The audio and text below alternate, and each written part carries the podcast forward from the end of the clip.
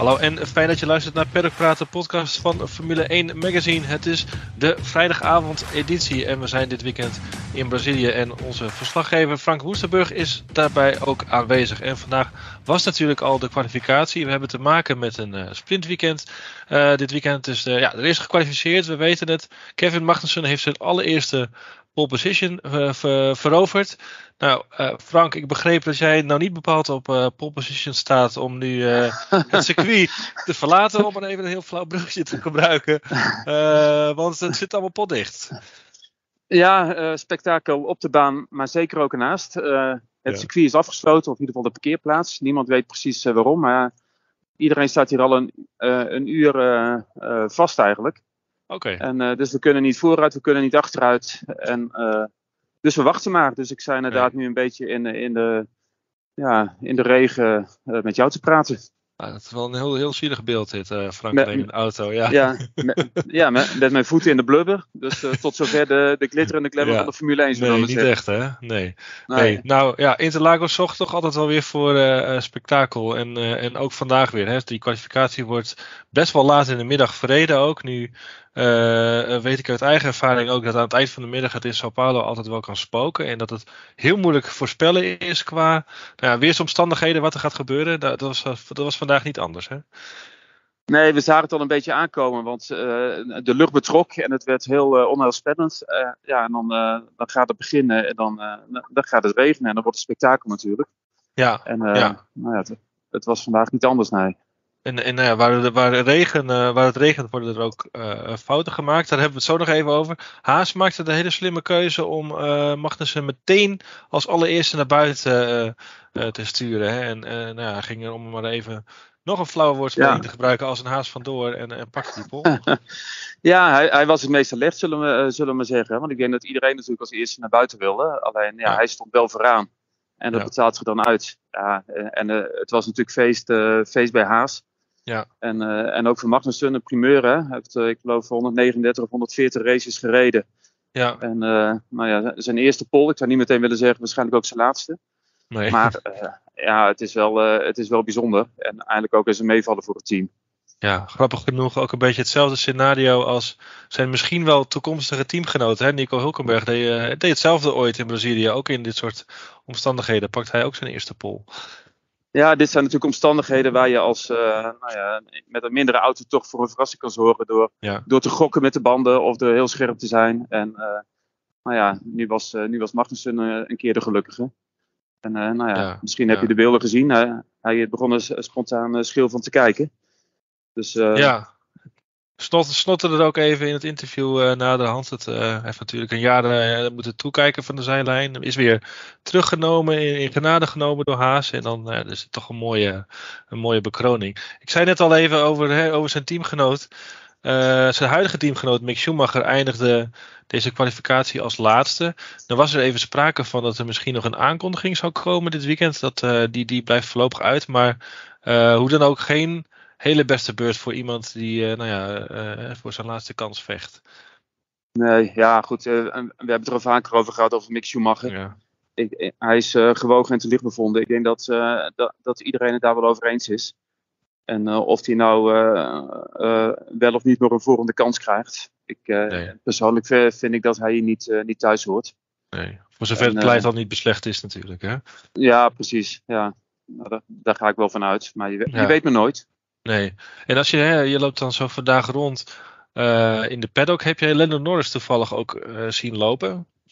Ja, ik heb hem zien lopen. En uh, Nick de Vries ook zien lopen trouwens. En ik moet zeggen dat ja. Nick de Vries er een stuk gezonder uitzag dan Lennon Norris. hij zag een beetje uit als een, als een slappe vaatdoek. Norris dan bedoel ik. Ja. en, ja, precies. Ja. Maar ja, het was, uh, het was voldoende om toch in de auto te stappen, uh, kennelijk. En uh, nou ja, hij deed, het, hij deed het niet heel slecht. Hè? Hij deed het in ieder geval beter dan zijn teamgenoot. Wederom zou ik willen zeggen.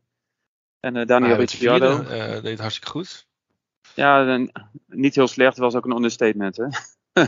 En niet heel goed is een understatement nee. voor, voor Ricciardo. Want ja, die is wel een beetje klaar bij het team natuurlijk.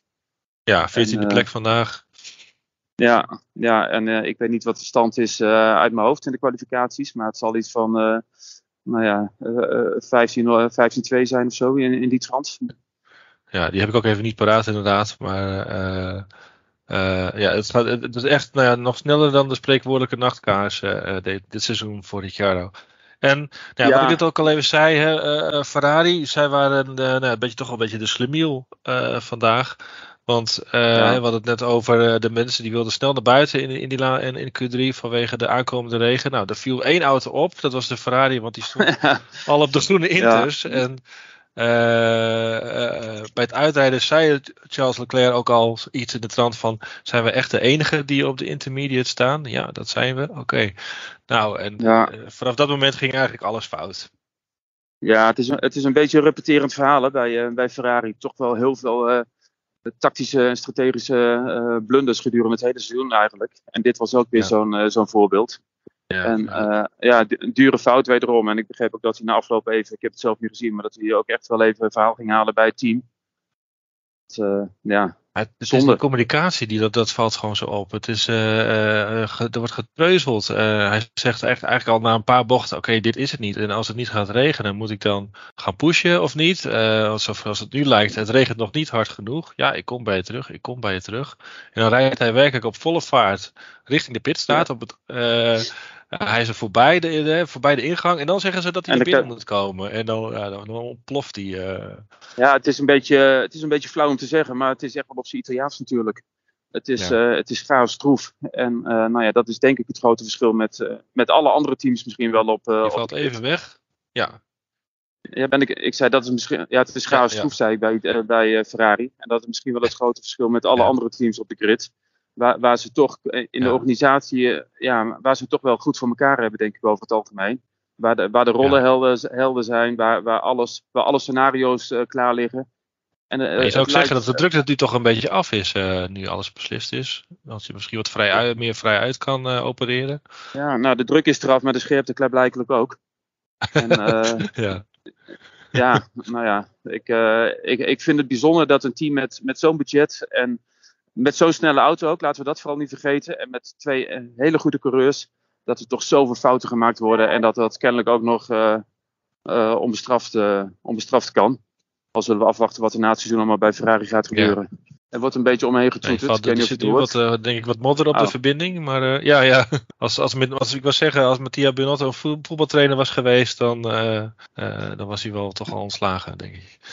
Ja, ja je hoort misschien dat mensen hier ongeduldig gaan worden op de achtergrond. Mensen gaan toeteren, mensen willen weg.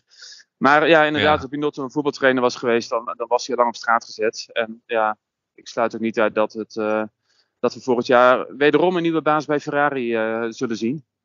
Uh, nee, de zoveelste ja. in, nou ja, in korte en, tijd in ieder geval. En, want ze zijn wel vaker van teambaas gewisseld. Alleen ja, mm -hmm. en het zit, hem, het zit hem ook denk ik niet eens in de, in de, in de kennis van de mensen. Alleen het zit hem gewoon in, echt in de structuur en in de duidelijke afspraken en in de hiërarchie. En uh, ze gaan van links naar rechts. En uh, nou ja, ja, op de baan inmiddels ook. Oké. Okay. Ja. Uh, oh, we hebben het toch niet over de wereldkampioen gehad. Max Verstappen werd verdienstelijk tweede toch wel in, in al deze chaos. In de schaduw een beetje van alles wat er aan de hand was. Volgens mij biedt ja. dat prima mogelijkheden voor, voor, voor morgen en overmorgen, toch? Ja, zeker. Uh, ja, ja, we, hebben de, we hebben de sprintrace. Ja, goed, ik, ik verwacht dat hij die naar zijn hand kan zetten. En, en, en de race uh, zondag natuurlijk ook. En of het nou wel of niet regent, Red Bull heeft gewoon een hele goede auto hier. En het is ja. een circuit natuurlijk wat, wat Max goed ligt. En dat heeft hij vaak genoeg, genoeg laten zien. Ja, ik sprak Hamilton ook nog even in, in de aanloop. Er was een perspraatje met een paar journalisten. En toen liet hij ook wel doorschemeren dat okay. er van Mercedes dit weekend geen wonderen verwacht hoeven te worden. En uh, nou ja, Ferrari hebben we net besproken. Dus ja, ik denk dat, uh, dat Red Bull weer uh, goed ja. voor de dag gaat komen. En nummer, nummer 15 ja, voor Max aantocht is. Ja, het lijstje wat altijd volgt voor de eerste vrije training van updates, dat was volledig blanco. Niemand heeft iets meegenomen. Dat natuurlijk ook helemaal geen zin heeft. Uh, nee. Aangezien we zo aan het einde van het seizoen zitten. Daarover gesproken, hoe is iedereen eraan toe inmiddels in de paddock? Iedereen loopt een beetje op zijn laatste tenen of, of, of, of, valt het nog mee? Ja, de sfeer is eigenlijk wel, wel ontspannen. Hè? het pleit is beslecht voor alle teams eigenlijk wel. De spanning is er een beetje af. Alleen voor, ja goed, je, je hebt natuurlijk nog wel een paar duels hè, met uh, Mercedes hoopt nog een beetje op een tweede plaats in het constructeurskampioenschap. Uh, McLaren Mhm. Alpine is natuurlijk nog een tweestrijd. Maar de, de, de scherpe randjes zijn er wel een beetje af. En dat, dat merk je dan ook in de omgang in de paddock. Dat het, het is vriendschappelijk, het is, het is ontspannen. En je ziet het eigenlijk ook wel uh, aan het aantal journalisten. Ja, ja ja, oké. Nou, laten we het daarmee dan ook eh, voor de, dit moment hierbij bij laten, Frank. Eh, we gaan zien wie, hoe het morgen zal gaan. En, en natuurlijk ook vooral zondag. En hou voor het laatste nieuws onze site in de gaten, eh formule1.nl, voor de laatste nieuwtjes. En eh, maandag zijn we er met een nieuwe aflevering van Paddock Praten. Dan zal Rick Winkelman aanschuiven bij ons in de studio. En dan gaan we het nog even nou, wat uitgebreider hebben over dit weekend in, Sao Paulo. Ik wens je een fijne avond daar, Frank. Bonnoit. En tot de volgende. Ja, dankjewel. Tot morgen. Succes! Doei. Doei. Hoi. Nou, we staan nog steeds stil trouwens. Peddelpraat.